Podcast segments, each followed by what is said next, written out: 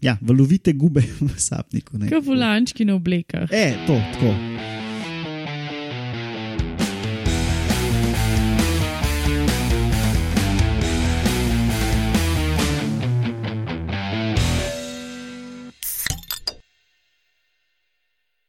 Lepo zdrav, poslušate 59. oddajo Metamorfoza. Metamorfoza je podcast o biologiji organizmov, ki vam jo predstavljamo skozi lahkoten pogovor o pivu. Danes na sporedu redna oddaja med novicami. Najprej posnetek intervjuja, ki sem ga pred dnevi opravil z Simonom, ki je prvi avtor zanimive študije o povezovanju bakterij. Uh, pa potem študija o tem, da tudi, da tudi lene mravlje so lahko v mravlišču koristne, pa potem še ena novica o tem, kako veverice organizirajo svojo ozimnico. Potem, ali ste vedeli, koliko mravelj je v mravlišču in vaški posebnež danes koala. In zdaj na tej točki je treba povedati, da Roman se že reži. A ja, um, z mano, jaz sem Matjaš Gregor, z mano sta uh, Roman in Urša, zdravo. Živijo. In to epizodo snemamo drugič. Um, enkrat se ti mora zgoditi, ne? 58 oddaj smo oddelali brez večjih problemov. Um, enkrat smo na teren pozabili mikrofone, zdaj pa smo to rešili. Ja, to sem um, jaz kriv. Pa No. no. dobro je izpadal. No, zdaj pa prvič uh, nis, smo snemali na en nov softver in prvič nismo imeli tako roman kot jaz svoje kopije uh, originalnega surovega posnetka in sem jaz zajeval in zbrisal po pomoti eh, vse skupaj. Pa v redu, lej. Matjaš mi je napisal, da imam slabo novico, sem že mislil, jo, kdo je noseč zdaj. Pa je bilo samo to. Ne? Sam zbrisal. Ja.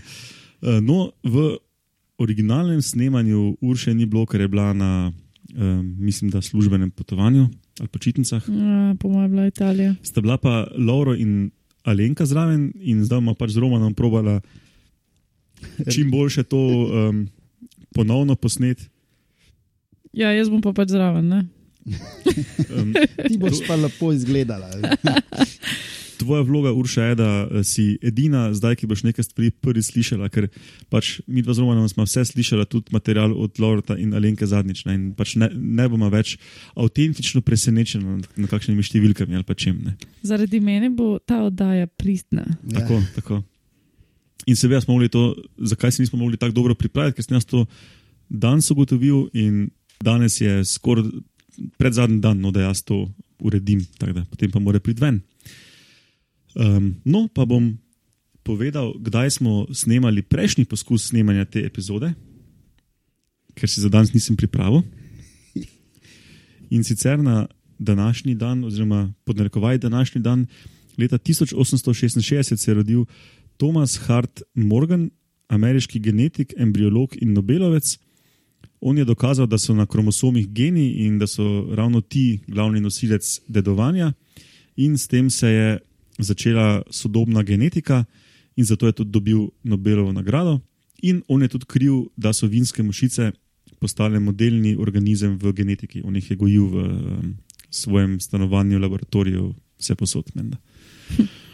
Um, Tako kot jaz, v bistvu. Samo on je namerno to Ja, delo. ja, do detajli.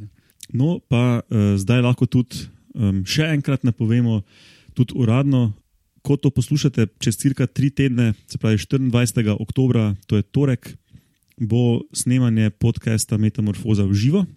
Tako da vsi poslušalci uh, vabljeni, da se prijete podružiti z nami in um, prisostvovati temu dogodku. Uh, ravno ti trije, ki smo danes tukaj, bomo gostitelji tega dogodka. Uh, naš gost bo Miha Krofer, ki dosti ve o velikih zvereh in velike zveri v Sloveniji so tudi tema. Um, Kako smo rekli zadnjič, ko smo snemali roman, če kdo v Sloveniji kaj o tem ve, je to Miha. Ne? Ja. On bo dobra izbira za te zadeve. Snemanje bo v centru Ljubljane na Gospodski 16, to je dvorana Zemljepisnega muzeja Geografskega inštituta ZRC SAZU. Taki um, lušen, uh, prijeten mali plac, ne preveliki, tako da se bomo lepo tudi brez mikrofonov slišali. Um, drugače pa lahko sledite temu dogodku naredili smo Facebook event, um, spravi stran Metamorfoze, um, ima Facebook event. Uh, tudi po Twitterju bomo kakšne in informacije širili, tudi um, website bomo naredili, da vse informacije bodo nekje plavale okoli, tako da ne boste zamudili. In še pomembno, ne, ker je podcast, um, ker je Metamorfoza um, pogovor o pivu, smo poskrbeli tudi za pivo. Pivovarna Brukru, ki jo pooseblja uh, en kolega, biolog, nam bo postregla s točenim um, IPA-jem in Pale Ale-om po imenih Horni in Koki. Odlično. To so tudi dobra pasa imena, če smem sam pripomniti. Sam pa moraš med dva, da dobro se sliši. In še več, uh, Metamorfoza bo subvencionirala prvih 50 pirov. Ne? Uh, In ne na osebo, ne? Ne, ne, ne, tukaj je čisto eno. Če kdo pride in preden pride druga oseba do pira, spije 50 pirov, gledaj, komod. Aha, je, pa, je pa tako, da moraš pač piti ti, ne moreš tako pač jih. Mislim, 50 vzeti. Ja, lahko jih vzameš 50, pa jih razdeliš, se pa smo pa na istem. ne vem, kam bi dal 50 pirov, brez da bi ti ga kdo vzel. Prineseš sod sabo. Ja. No, tudi potem, ko teh pi- 50 pirov poide, bo pa cena zelo skonto, en evro na mali točen uh, ale pir, kar je kar kul cool cena. Aha, ta epizoda je zanimiva um, še po dveh rečeh. Prvič v zgodovini metamorfoze se je nek poslušalec opogumil in se posnel z vprašanjem, ki se nanaša na prejšnjo 58. epizodo. Um, to je sicer Žan, ki nas pozna, ampak um, ja, vsaj, vsaj nekdo je to naredil. Prav, Žan! Teda, um, na njegova vprašanja o lenivcih uh, bomo odgovorili čist na koncu oddaje. In tudi prvič v zgodovini metamorfoze je nekdo ugibal zvok, ki sem ga predvajal v 58. oddaji, in prav ugano. A je to tudi Žan? Ne. Okay. To je bil pa človek po imenu Goldis Art je na Twitterju z prve ugano, uh, da je tisti zvok koala in si zato zasluži častno omembo. Teda, bravo, Goldis Art. In, in ob prvem snidanju si tudi zasluži pivo. Ne. To sem se pač jaz tako ad hoc odločil. Super, Em, teda- Bodite kot uh, Goldis Art in Žan in um, pošljite kdaj kako ugibanje ali se posamite, sprašujte, komentirajte. Um, to nas veseli, pa sem prepričan, da tudi malo popestri oddaje. Um, ok, dovolj uvoda, ki ga danes malo več, pa gremo kar na novice. Pa začnimo kar z intervjujem s Simonom.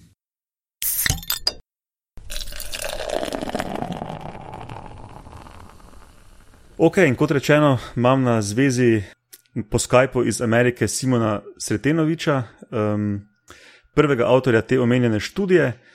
Sicer, če sem prav razumel, um, Simon, zdravo, Živijo. um, je ta študija bila v celoti izvedena na biotehnički fakulteti, ker si ti delal do diplomca, oziroma zdaj po bolonskem sistemu Bachelor pa Master. Ne?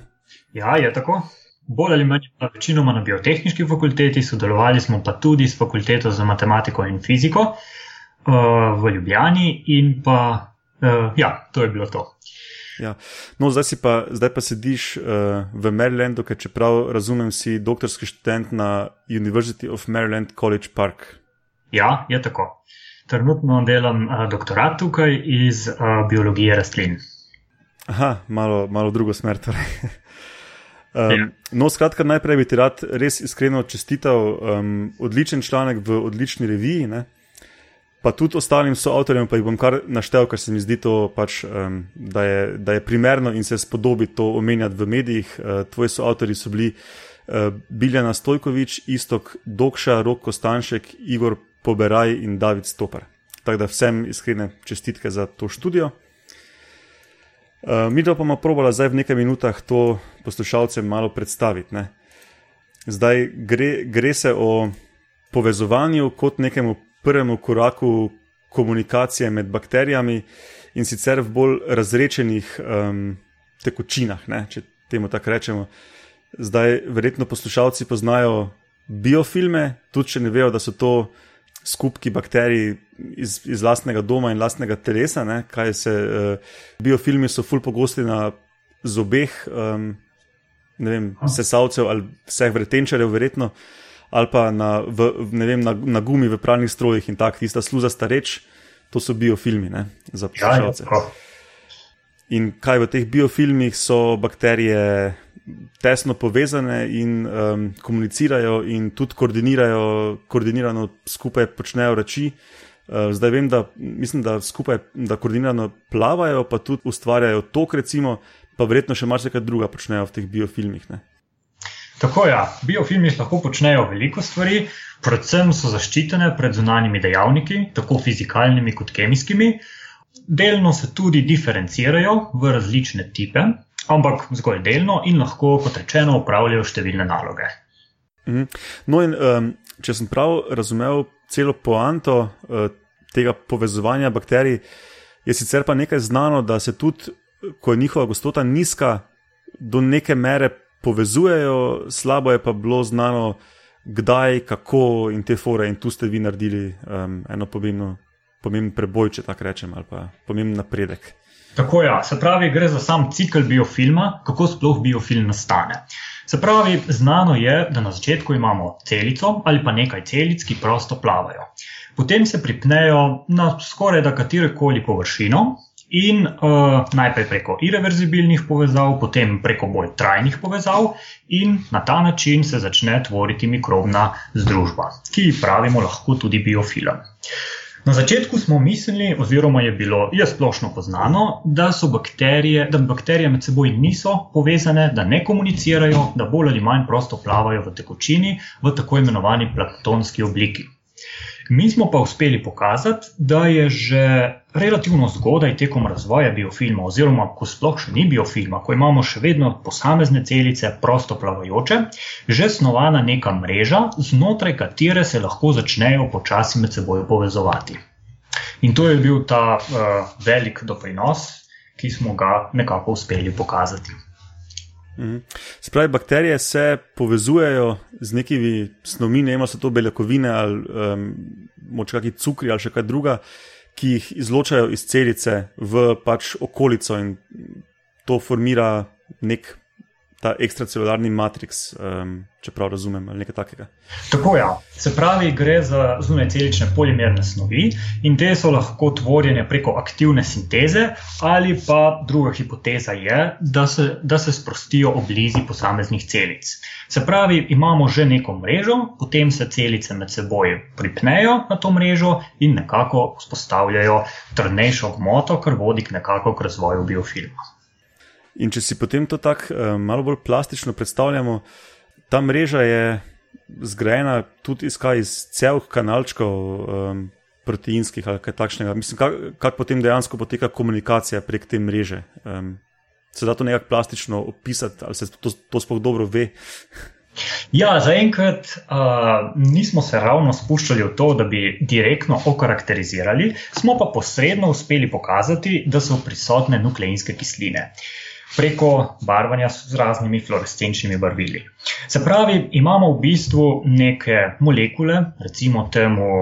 Uh, recimo te molekulom DNA, neke toge palice, neke, neke toge verige, na katere se lahko pripnejo bakterije. Poleg teh verig pa imamo najverjetneje tudi še druge biopolimere, recimo sladkorje, kot si omenil, ali pa tudi uh, beljakovine. Uh -huh. um, Pa se mogoče ve, um, kakšna je pa kaj razlika uh, v teh povezavah, uh, naprimer v biofilmu, kjer je gostota bakterij velika, pa mislim, so blizu skupaj, uh -huh. uh, pa ta um, long range, ne bolj um, uh -huh. na distanco. Ne, se, se, imate kakšne hipoteze ali se že kaj bolj oprijemljivega ve?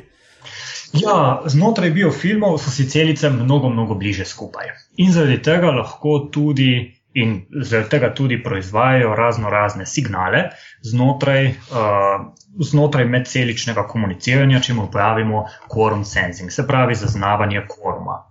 In to je do dobro poznano v biofilmu, potem, ko je že ta dobro formiran. Na začetku so pa razdalje med celicami lahko nekoliko večje, ta mreža še ni dobro nekako vzpostavljena, vendar povezave že obstajajo. In mi smo nekako predpostavljali, da preko mehanotransdukcije, se pravi preko fizičnih mehanskih povezav, ne tako kot kasneje, kot poteka to z difuzijo uh, razno raznih signalnih molekul, da, lahko potek, da lahko poteka neko komuniciranje. Se pravi, preko mehanskih povezav. Kako to natančno poteka, bo pa potrebno še malo raziskovati. Ja, ja, super, super. Prvi korak proti temu. Torej. Um, ja, se, mi, smo, mi smo ravno par epizod nazaj imeli um, ta quorum sensing, smo ga čisto na kratko razložili, pa tu pa tam imamo kakšno novico o bakterijah, ki so bistveno bolj BDS organizmi, kot bi si uh -huh. ljudje mislili. Sploh, sploh niso takšni neke pasivne kroglice ali pa palčke, ne? ampak so Ja, bistveno bolj kompleksne. Um, veš, kaj me še zanima? Um, recimo, kaj pa je ta metoda Optical Tweezers, s katero ste delali? Se da to mogoče um, tako malo bolj lajčno razložiti? Mhm, ja, seveda. Se pravi, optična pinceta, če izhajamo čisto iz imena, pomeni nekaj, nekaj zaprijeti, se pravi pinceta, in pa nekaj v povezavi z optiko, se pravi, torej optična pinceta. V osnovi je to ena naprava, se pravi svetlobni mikroskop, eh, v katerega lahko upeljemo laserski žarek. In ta laserski žarek prek zanimive, zanimive fizike omogoča, da imamo preko spremembo gibalne količine, spremembo sile. In ta sila, imamo več sil, katerih rezultanta nekako kaže v sredino laserja, v sredino intenzitete svetlobe. Se pravi, kaj nam to omogoča? To nam preprosto povedano omogoča, da lahko neko bakterijo s pomočjo visoko fokusiranega laserskega žarka nekako ujamemo v središče tega žarka. Povedano drugače, če, pre, če premikamo žarek v x, y in z osi, oziroma po, po prostoru, potem lahko tudi bakterijo hkrati s tem žarkom uh, peljemo po prostoru. Uh -huh. In kako vam, je, mislim, kako vam je ta metoda točno pomagala pri tem projektu? Ker, koliko sem razumel, je to bila ena od um, ključnih. Um, drugačnih pristopov, kako bi temu rekel, uh, primerjavi s preteklostjo. Jaz sem to čisto narobe razumel. Ne, ne, je. je. Pravi, če, če, lahko, um, če lahko določim pozicijo ali pa gibanje bakterij v prostoru, potem lahko preko tega usiljenega gibanja spremljam, ali se bakterija v okolici gibajoče bakterije nekako temu gibanju odziva. Se pravi, Mhm, mhm. pospremljam, ali, mu, ali sledi temu gibanju. In če je temu tako, potem lahko merim odziv in ga seveda tudi nekako kvantificiram in fizikalno malo bolje opišem. In preko tega smo uspeli dokazati, da nekako povezave obstajajo. Namreč s preprosto svetlobno mikroskopijo tega ni mogoče videti, zaradi tega, ker te molekule so zelo razrečene in imajo majhen kontrast v primerjavi z okolico, na čemer temelji svetlobna mikroskopija. Če pa imam eno bakterijo v pasti, v optični pasti, torej, in ji usilim neko gibanje, in imam drugo bakterijo, ki temu gibanju sledi, in to lahko seveda zaznavam, potem lahko bolj ali manj zaključim, da morajo biti bakterije med seboj nekako povezane. Mhm. Tako da doprinos eh, te optične pincete je bil ravno to, da smo uspeli pokazati, da so bakterije med seboj povezane. Poleg tega pa lahko preko optične pincete merimo tudi okolje, eh, katerega želimo testirati. In sicer zelo lokalno okolje, mikrookolje, kot mu pravimo. Um, kako ga pa testiramo? Tako, da določimo reološke lastnosti, recimo viskoznost, uh, plastičnost, elastičnost okolja in pa še nekatere druge parametre. Mhm, mhm.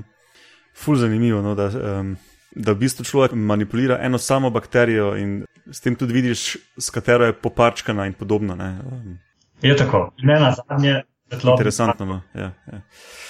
Um, je dobro, jaz moram povedati, da sem kar že malo izčrpal uh, moja vprašanja, ker sem tudi um, ne preveč domač v teh tematikah. Maš ti mogoče še kaj za dodati, kar bi mogoče misliš, da poslušalce lahko zanimalo? Ja, uh, lahko povem, da je bilo zelo, zelo zanimivo raziskovati. Uh, nasploh je vsako raziskovanje zelo zanimivo, vsaj za me osebno. Uh, če si pa na koncu še nekako nagrajen s, s člankom v reviji določenega značaja oziroma določenega reputation, kot temu pravijo tukaj, potem je to seveda super izkušnja. Tako da spodbujam vse mlade raziskovalce, ki si želijo v tem nekako sprobati, da, uh, da kar pogumno k temu problemčku tudi pristopijo. Ja. Vsekakor sicer uh, po eni strani ne bi smeli dati preveč veljave uh, impact faktorju revij, ampak um, za mladega znanstvenika je to izjemno velika potrditev. Tako da čestitke še enkrat tudi uh, v, v nadaljni karieri ti bo to sigurno koristilo imeti tako referenco. Ne. Ja, Um, najlepša hvala. lahko mogoče še poveš s par stavki, kaj točno zdaj počneš, mogoče te pa um, še kaj pocukamo za rokav v prihodnosti. ja, trenutno, kot rečeno, se ukvarjam z molekularno biologijo in sicer uh, z molekularno biologijo na rastlinah. Pripravljamo razno razne vektorje. Oziroma, če povem nekoliko lajčno, spravi želimo nekako spremeniti dedni material rastlin. Pa ne samo zgolj ga spremeniti z orodji, ki jih že poznamo, ampak želimo tudi nekako razvijati orodja za uh, spremembo dotičnih nukleotidov v zaporedju molekule DNA. Se pravi, želimo ustvariti nove vrste, nove sorte, ki bodo nekoč, ko bodo zaključena vsa testiranja in uspešno pripravljene tudi prvi izolati, uspela, uh, uspele te rastline mogoče rasti v kakšnih uh, pokrajinah, kjer trenutno ne rastejo zaradi podnebnih okolij, ali pa nasploh bile bolj odporne tako na fizikalne kot kemijske dejavnike okolja. No, super. Zdaj, jaz osebno bi bil sploh vesel, če bi ti to znanje potem prenesel nazaj v Slovenijo, pa bi ti kdo tudi ponudil službo. Ne? Um, ej, ful, ful zanimivo se sliši to vse, kar delaš. Tako da um, ti želim dosti sreče v, ob, ob tem študiju. Okay. Pa hvala za ta pogovor. Dosti bolj fajn je, če avtor osebno pove v slovenščini, kot pa da mi povzemamo. Tako da um, hvala za pripravljenost za pogovor, pa lepo zdrav v Ameriko. Ja, hvala lepa. Najlepša hvala tudi za povabilo. No, to je bil uh, Simon in ta študija v Nature Communications. Uh, hvala, Simon, še enkrat za pripravljenost za pogovor. Pa gremo kar na naslednjo novico, da ne bomo predolgi. V prejšnjem poskusu je Lauro, ki ga danes ni proval razložiti, zakaj so v mravliščih tudi lene mravlje lahko uporabne. Pa bo zdaj to Roman najprej poskušal. Uh, Kar se spomnim, je Lauro razlagal, da imaš en odstotek mravelj v mravlišču, ki zgleda, da nič ne delajo. Pač tako malo hodijo okoli, pa včasih kaj, kaj še ga pobožajo. Tako, to je bolj ali manj to. Uh, v bistvu je meni, da to, kar pogosto pojav pri socialnih žuželkah, da ja, je pač nek tako. delež osebkov um, zelo neaktiven. Mislim, da pa pri teh mravljah je pa bilo povprečje neaktivnih 40 posto. Okoli 40 posto. Ja. Plus minus, pač varira med sezonami. Ja. To je skoraj kot pri človeku. Ja, če je aktivna brezposelnost, rečemo 8-odstotna, pa je efektivna 15. uh, Dobro, nisi še tam, ampak veliko naš, pa, ok, pa, pa državno upravo šteješ, pa si na 25, pa se ja, počasi prideš do 40. Um, no, to so pa preučevali tako, da so mravlje barvali, so jim na, na mravlje narisali pikice, da so lahko z računalnikom spremljali in so videli, da je en kup enih mravelj, ki pač nič ne delajo. Upazili so, da imajo, mislim, da je ne štiri vrste mravlje, ki se vedajo na štiri različne načine, se pravi te lene, pol so te delavci. Pa... Eno so te lene mravlje, ki nič ne delajo, ene so mravlje, ki kar random lutajo okoli se sprehajajo. Pa, pa sem pa kaj, kaj naredijo, malo. Ja, ja. Ja. So, tretja so potem tiste, ki, ki grejo ven in iščejo hrano, pa četrta tiste, ki skrbijo za zarod. Ne. Jaz sem si one, ki lutajo okoli tako. Um, predstavljal kot neke depresivne, emo, teenagerje. no, in so, uh, pol so pa se sprašvali, zakaj je pač toliko teh lenih, na rekovajih, mravelj. In so odstranili vem, x najbolj delovnih mravelj iz mravlišča, in je v enem tednu so se že te talene mravlje rekrutirale med delavce, in je mravlišče funkcioniralo normalno naprej. V bistvu so rezerve. Ja, mhm. zdaj. To je če, en od take-home messagev. Ja. Uh, je pa tako, da imajo lahko še kakšno drugo funkcijo, zato ker so malce bolj take čabi. Uh, in, te, in to so praviloma mra, mlade mravlje. Uh, pri njih tudi ta produkcija jajčec uh, je bolj aktivna, mislim, da so ta jajčica celo kot hrana za druge mravlje. Uh, in so pač hipoteze, da imajo pač to funkcijo, da pač nič ne delajo, pa nekako prehranjujejo zarod. In so rezerva, zlata rezerva. Ja, podpora je pa samo za to hipotezo, da so rezervna delovna sila, za ostale Tako, hipoteze ja. še ni podpore, tako da še ne vemo, če je to res. Um, Drugače so pa tudi vzeli um, v drugem svetu ek- eksperimentov stran te lene mravlje in te lene mravlje pa niso bile nadomeščene v nekem, v nekem doglednem času. Ne? Tako da očitno mravlišča zelo točno uravnavajo število mravlj, ki kaj delajo, medtem ko število teh, tega rezervnega sklada pa ni tako pomembno, da je točno neko število. Recimo, ne. Kako pa, oziroma kako se odloči, oziroma na podlagi česa se posamezni osebki pač razdelijo oziroma uvrstijo v te kategorije? A je to odvisno od neke hrane, tako kot pri čebelah, naprimer, ne, ki je odvisna od ti delavka, boš kaj matica, ne, od, tega, s čimer te hranijo. Kako ti rataš nek lenuh ali pa nek delavec v mravlišču? To pa ne vem, če vejo. V tej študiji se mi zdi, da tega eksplicitno niso preverjali. Mogoče omenjajo kec, ampak uh, uh, verjetno pa je, uh, saj za te velike morfološke značilnosti je verjetno odvisna hrana. Ne? Veš, da si ti vojščak z velikimi čeljustmi, ne, je to, ali pa uh, matica. Ne, je to en način prehranjevanja, oziroma Ja, samo kaj je pa trigger za aktivnost, pa neaktivnost, to pa to pa je še v povojih, sigurno. Ja. Mm. Ampak um, ne bi, ne, ne bi, ja- jaz ne vem, koliko je pa o tem znano. Je to so za par let nazaj so začeli, ker so sploh opazili, da imaš neaktivne mravlje, in pol so naredili novo študijo, ki so pogledali, pa, da je dejansko to rezerva. a Ne? Tisto je bilo 2015. Ja. 15. Ja, en en uh, doktorski študent to ugotovil, pa je pa mentorca kasneje naredila. Dornhaus sem si slučajno zapomnil. E, To je bil študent ali mentor. to je bila mentorca. Okay. Uh, druga novica, oziroma druga novica, ki jo mi razlagamo, tretja po vrsti, če štejemo še intervju, je, jo, jo je pa razložila Alenka in uh, se tiče veveric in njihove ozimnice. Ne? Um, zdaj, jaz sem si tako to kot prispodobo v človeškem svetu predstavljal ene paranoične američane, ki recimo verjamejo nekim, eh, nekim čudnim pričarjem, ki jim pravijo, um, zdaj pa prije konec sveta, hitro v bunker in si nakupiti konzerve hrane. Ne? In si, si seveda moraš to hrano nekako smiselno shraniti v ta bunker, da boš um, hitro našel, kaj rabiš. Ne? No in um, tudi živali, ki si ogromno število um, nekih koščkov hrane za ozimnico shranijo, morajo imeti nek sistem. Ne? In te ameriške veverice, menda do 10.000 um, oreškov za ozimnico pospravijo nekje v okolico. In seveda vprašanje je, kako to čisto točno počnejo. No, in so eni američani, pač, um, to je bil pa postdok, ne doktorski študent, um, so to delali in so imeli štiri načine futranja teh veveric in štiri tipe oreškov. Ne.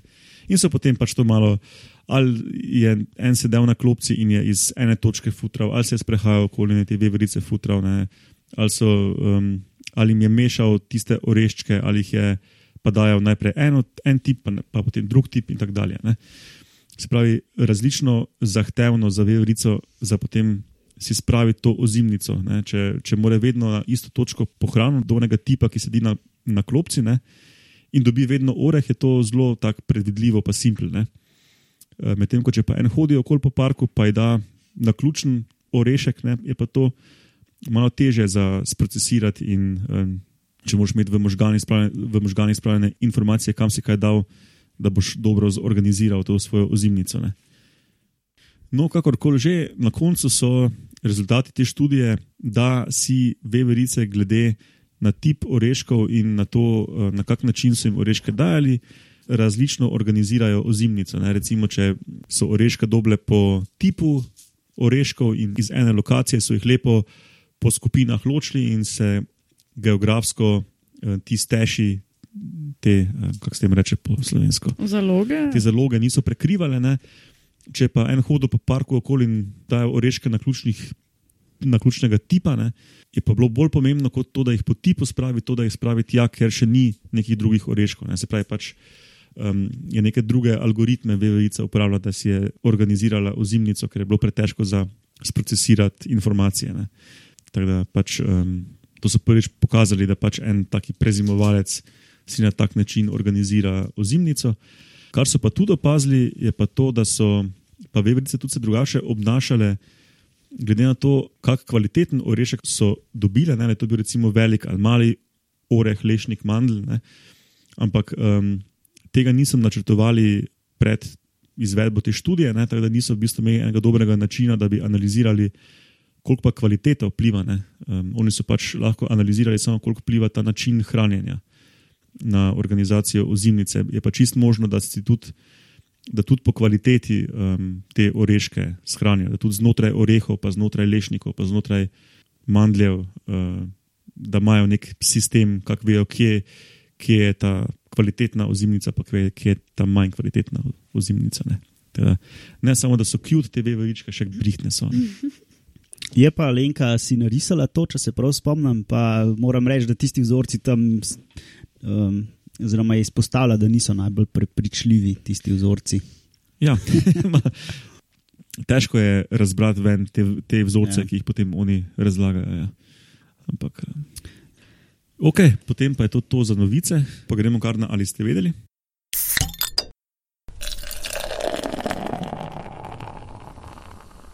Ali ste vedeli, koliko mravelj je v mravlišču? Za mravlišče mislim kolonijo mravelj, to je m, glavna enota, okoli katere se vrti cel življenjski krok mravelj. Ne, se pravi, s tem mislim število osebkov, vse skupaj, kraljice, spravi matice, jajca, delavke, vojake, uh, tiste, ki so leni, tiste, ki niso leni, tiste, ki se vlečejo samo okoli po mravlišču. Vse, pač vse skupaj, koliko je teh mravelj v mravlišču. Ne. Čakaj, a to svetovno povprečje ali to neke naše mravlje? Ne, so ekstremi. En, ja, pač no, ampak bom, bom zdaj uh, povedal, recimo za faraonko, ki jo tako poznamo, vse tisti, ki smo po blokih živeli. Ne, Delajo sicer fragmentirane kolonije, ne, ko ena kolonija doseže neko število osebkov, um, grejo drugam delati, in se zdi, da ima kolonija vsaj 469 osebkov ali nekaj več, ne pa manj da očitno zelo natančno um, regulirajo število osebkov. Aha, um, če koga zanima latinsko ime faraonke, je Monomorium faraonis. Se pravi, na kitajskem imajo pravilo prvega otroka, faraonke imajo pa pravilo prvih 469, ali koliko je to. ja, tak, ja. Um, no, črna vrtna mravlja, Lasius niger, latinsko. To je ta, ki, je, um, ki dela te male kupčke, 15-20 cm visoke na vsakem travniku, praktično jo, jo najdemo v Sloveniji, pa poleti, enkrat med junijem in septembrom, um, rojijo in je prav tako, um, sicer različno po Sloveniji. Mislim, da en teden, ko so posod ti leteči osebki in se sprehodiš 50 metrov do lokalnega Merkatora, špara, pa jih imaš na, na sebi polno. Ja. Ja. Uh, no, te jih imajo v povprečju 4000 do 7000 osebkov, ekstremi so pomeni, da do 400 ožnot. Uh, potem pa recimo po slovensko bi to naj bilo velika rdeča mravlja, formika rufa. Jaz bi jo pre, poimenoval prej rdeča gozdna mravlja, ampak to je samo moje mnenje. to, to so te, ki delajo um, do meter pa pol visoka mravlišča, so tako rdeče, črne, full hitre. Um, jaz vem, da jih je na pohorju polno. Mm, Ponovadi smrekovih igalcev, ja, ja, ja, ja, ja, ja, ja, tiste ja. tipične mravlišča, ki malo potapkaš, gor to, pa ti roka smrdi. Palpu. Ena trivija, ne 1671, so ravno iz te vrste mravelj prvič pridobili mravlično kislino. Um, mm -hmm. če, malo, če malo potapkaš. Potapkate, ja, čisto tako malo. Po, po, včasih je dovolj, že, če greste z roko par centi nad mravliščem, da, da čutijo ta veter vaše roke um, prav zavohaš to kislino. Um, Pošprica je. Ja. Mm. Formična kislina, formika rufa. Um, ja. No, uh, te imajo v enem takem kupu 100 tisoč do 400 tisoč osebkov, od tega je 100 kraljic, so zelo poligamne. No, in glede na te. Um, Glede na te podatke, sem vprašal v prejšnjem snemanju Urša, moje sovoditelje, uh, koliko bi rekli, da je pa da so pa najmanjše kolonije mraveljne. Kaj bi ti rekla? Hmm. Ja, ne vem, kakšne sto morajo že biti. No? A se lahko jaz delam, da ne vem? Ne, ti si takrat rekel, tam manj kot 50. Um, okay. Laura je bil pa zelo specifičen in, in, in je rekel 23. Ja, ja. To se spomnim, ker je to obrazložil z Michael Jordan. Tako, in to ga razumem, ker sem tudi jaz kdaj random številko zbral ravno 23 z- zaradi Michaela Jordana. Až to smo ti, eh, ta generacija, ko smo v, v osnovni šoli imeli Michaela Jordana na, na steni. Ja. No, um, to je v bistvu. Te ocene so v bistvu zelo blizu, pod 100 osebkov je že zelo malo osebkov, pod 500 osebkov je pa ekstremno malo osebkov za mravlje. In sicer nisem prepričan, če ni kakšnega rekorderja, ki ga nisem uspel zvohati, ker je težko je to zvohati. Tudi neke um, mravlje, loge sem spraševal po Twitterju, pa mi niso sploh odgovorili. Uh, gre za rod Leptogenis, ki je tropski rod in ful raznovrsten, ima več kot 300 vrst in dosti od teh vrst ima manj kot 50 osebkov v koloniji, in dosti ameriških vrst ima 20 do 30 osebkov, se pravi, 23. zanesljivo ima več kolonij, točno 23, ne, da je Laura bil zelo uh, blizu, oziroma natančen. Pa tudi v jugovzhodni Aziji so razširjene in tam se ve za vsaj 15 vrst, ki imajo normalno pod 30 osebkov. ne, tako da To 20 do 30 osebkov je nekako očitno spodnja meja um, ene kolonije. Ej, še eno vprašanje glede tega. Kako pa sploh definiraš kolonijo? Genetsko sorodni osebki, ki živijo v prostoru in času na kupu. Ne Verjetno vem, kaj je tazga. Ok. Praktično kaj, neka družina. Ja, mislim, ni, verjetno ni nujno, tam imaš sto matic noter, ne vem, a so nujno sorodo ali ne. Sej prid, pridemo še do unega drugega ekstrema, ki je videla. No, um, na vzgor pa jih v bistvu sploh nisem spraševal zadnjič, zato ker je odgovor preveč bizaren, da bi, da bi vas spraševal po ocenah, koliko mislite, da je največ uh, mravelj v koloniji. Ne? In tukaj gre za tako imenovane super kolonije, kjer je ogromno kolonij povezanih med seboj fizično. Ne? In tukaj so zvezda te zgodbe argentinske mravlje, latinsko je to linepitema humile. Klej bi bil Lauro ful dober za tole, brat. No, um, gre za, gre za um, mravlje, ki so doma v Južni Ameriki, ampak smo jih ljudje prenesli okoli po svetu ne? A, invazivna Ja. zadeva. in so full agresivne ena do druge v Južni Ameriki.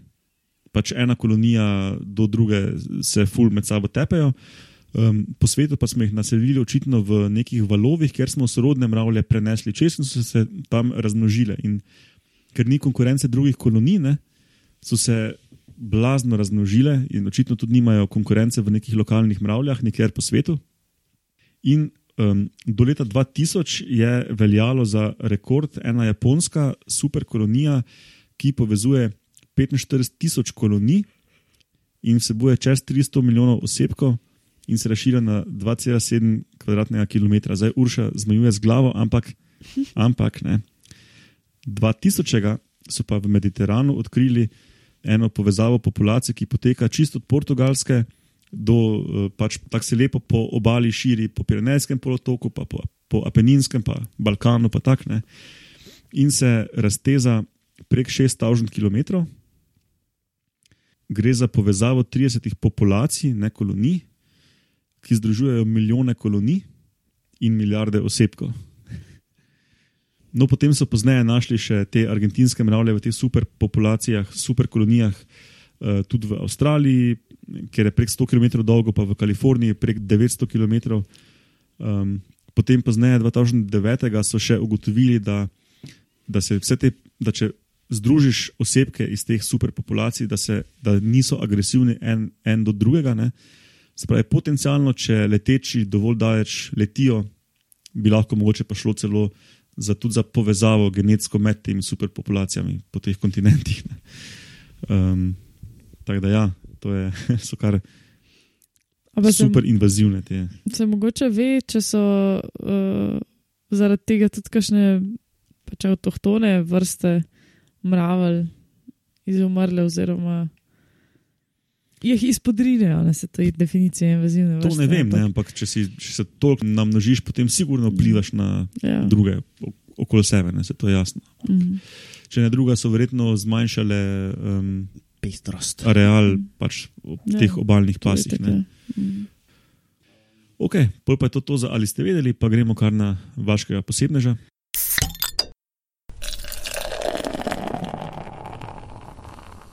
Prejšnji epizodi smo špijali ta zvok.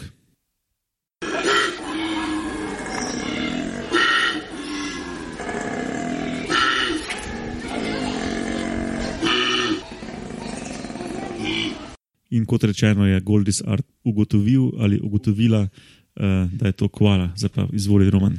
Ja, uh, zdaj to je tako relativno globok zvok. In uh, sem šel gledat en članek, kjer so rekli, da tak zvok lahko producira recimo žival velikosti slona.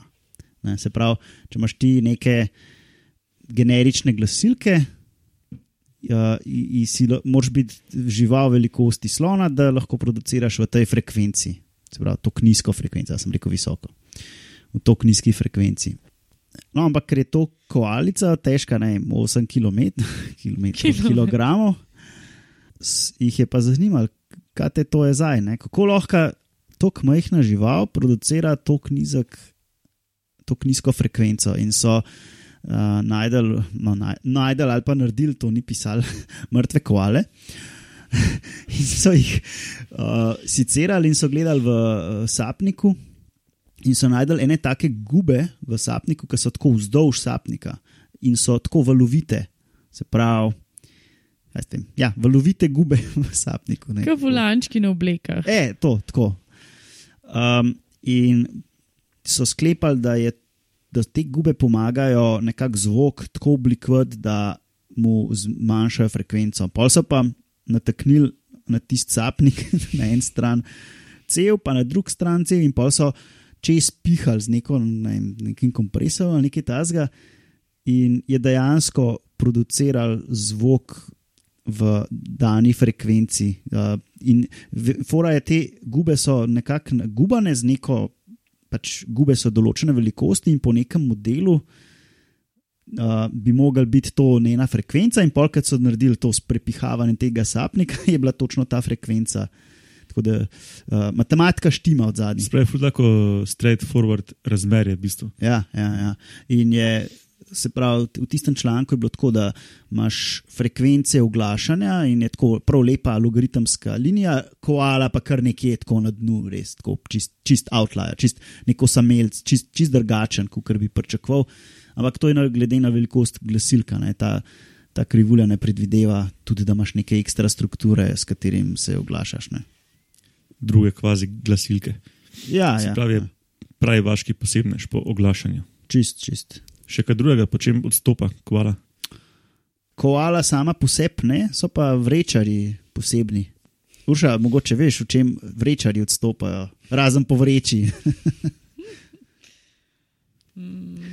Ne, Samci imajo dva penisa, Točno. samice imajo dve vagini, pa dve maternici in še eno izvodilo za rojevati.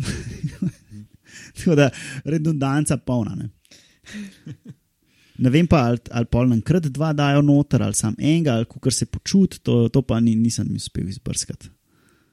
Sam je pa fajn, mislim, pa lune dve, obe dve ostaneta dokaj in shape, kljub temu, da rodi. Pa kljub temu, da je tisti zarodek zelo majhen in najbrž ne poškoduje tistega uh, kanala. In lahko še naprej so super modelke. In, Ja, in tako naprej. Ja, ja. A je koala res medved? Ne, seveda ne, to je angliška fora, ne, ki reče koala bear. Ampak v slovenščini pač ni tega, nimamo teh problemov. No. No, ampak. Mi imamo morske pse.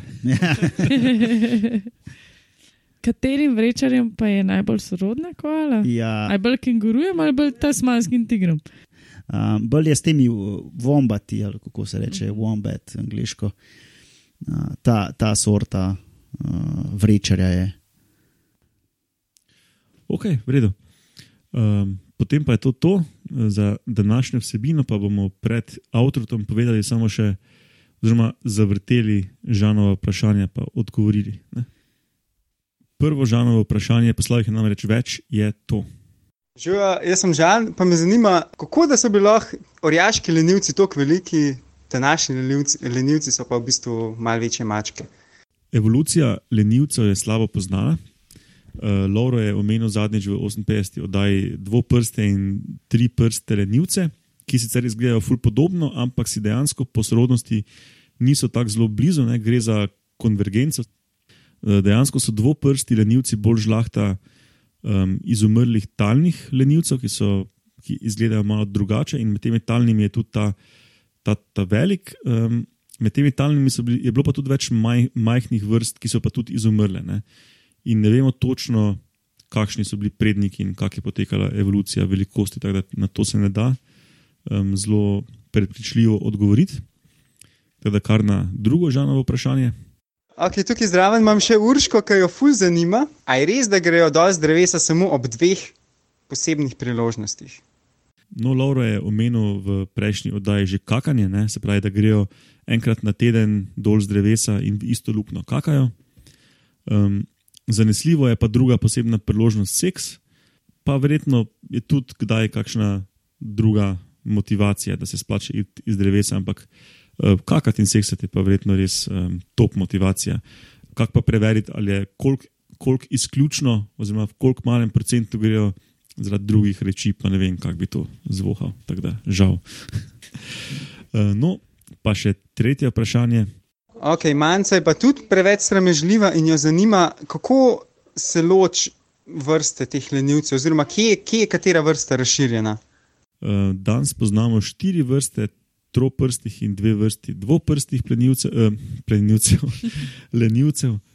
Um, cela ta velika skupina, ta pač in drevesni in talni izumrli, izumrli in to vse, je očitno omejena na tropski gost Srednje in Južne Amerike. Um, saj danes zgleda, da se te vrste, ki, še, ki še živijo geografsko, ločijo. Ene so splošno razširjene, druge precej omejene. Um, zdaj pa, da je pa v morfološke značilnosti šli, kako se razlikuje teh šest vrst, pa se nam nekako ni zdelo smiselno. Zato bomo pač bolj skopi pri tem odgovoru. ok, potem pa je to, to za to epizodo. Metamorfoza gostuje na medijskem mreži Metina Lista, kjer najdete še en podcast, eh, ki je znanstveni in sicer o tem, kaj delajo doktorski študenti v svojem raziskovanju. In, uh, zdaj, v zadnji epizodi je bil gost Roman. Ja, tako, da, tako da zelo že dno soda strgajo v Sloveniji, sem bil že jaz na vrst. No, drugač imate pa še Metin Čaj, eh, podcast o medijih in zdaj nov podcast, eh, Evropska četrt, kjer Nataša in Aljaš govorita o stvarih, ki so vas morda zanimale o Evropski uniji. Da, če vas Evropska unija zanima, to poslušajte. Najdete nas drugače lahko tudi na Facebooku, eh, tam imate možnost za svojo stran, da tam lahko komentirate, kritizirate. Um, hvalite. Hvalite in tako dalje. Pošljite nam lahko tudi kakšen mail na metamorfoza.afnametina.com. Eh, nas tri dobite na Twitterju, Romana pod uh, ključnik, se bo je zdaj uporablja po slovensko hashtag. Uh, ja, hashtag je drugo, hashtag je Lojterca, to je. Ja, to je pa et, ja. ja to je Afna. Afna Romunov, Uršo Afna, Gozdna Jožica in mene Afna Matjaš Gregorič. Uh, pa pod ključnik metamorfoza. Ne? To pa ja. ja. Pa ignorirajte une polske preobrazbe, stilske in. Ki jim tudi rečejo metamorfoza, ja, čist identično. um, pa lahko nas podprete, nekje bi en gumbek doniraj. Ja, ja. Uh, snemamo zdaj na mešalki Palček Smuk, ki, za katero smo uh, spet sami založili denar. Lauro je imel zadnjič, ko smo snemali, pa ni šlo, pa žal ne gre v eter. Um, stojalo podloženo že z dvema kuharskima knjigama, ne samo z eno. In ena je bila celo veganska kuhinja, tako da res, prosim vas. Ja, uh, 24. oktober. Ja, kot rečeno, 24. oktober, uh, ne pozabite snemanje v živo, pridite, imeli se bomo fajn. No, ok, pa je to to. Um, hvala vam, da ste hitro danes skočili, ko sem jaz imel slabe novice. In uh, hvala poslušalcem za poslušanje in do slišanja prihodnjič. Dio. Dio.